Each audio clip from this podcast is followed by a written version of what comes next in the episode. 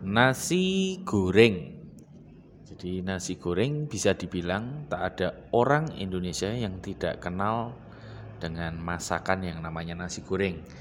Nasi goreng sendiri banyak variannya. Ada nasi goreng telur, nasi goreng ayam, nasi goreng babat, terus apalagi ya macam-macam lah nasi goreng ikan asin ya itu favorit juga ya. Jadi masakan yang satu ini memang sudah biasa ditemukan di mana-mana.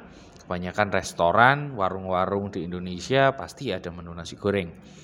Mulai dari warung makanan kaki lima hingga restoran bintang lima. Meski begitu nasi goreng sudah sangat mendunia. Bahkan orang sekelas Presiden Amerika Serikat Barack Obama pun hafal dengan makanan ini. Bahkan dia pun sudah mengakui bahwa nasi goreng asli dari Indonesia benar-benar mantap dan lezat. Ya, jadi kalian pasti banyak yang suka banget makan nasi goreng.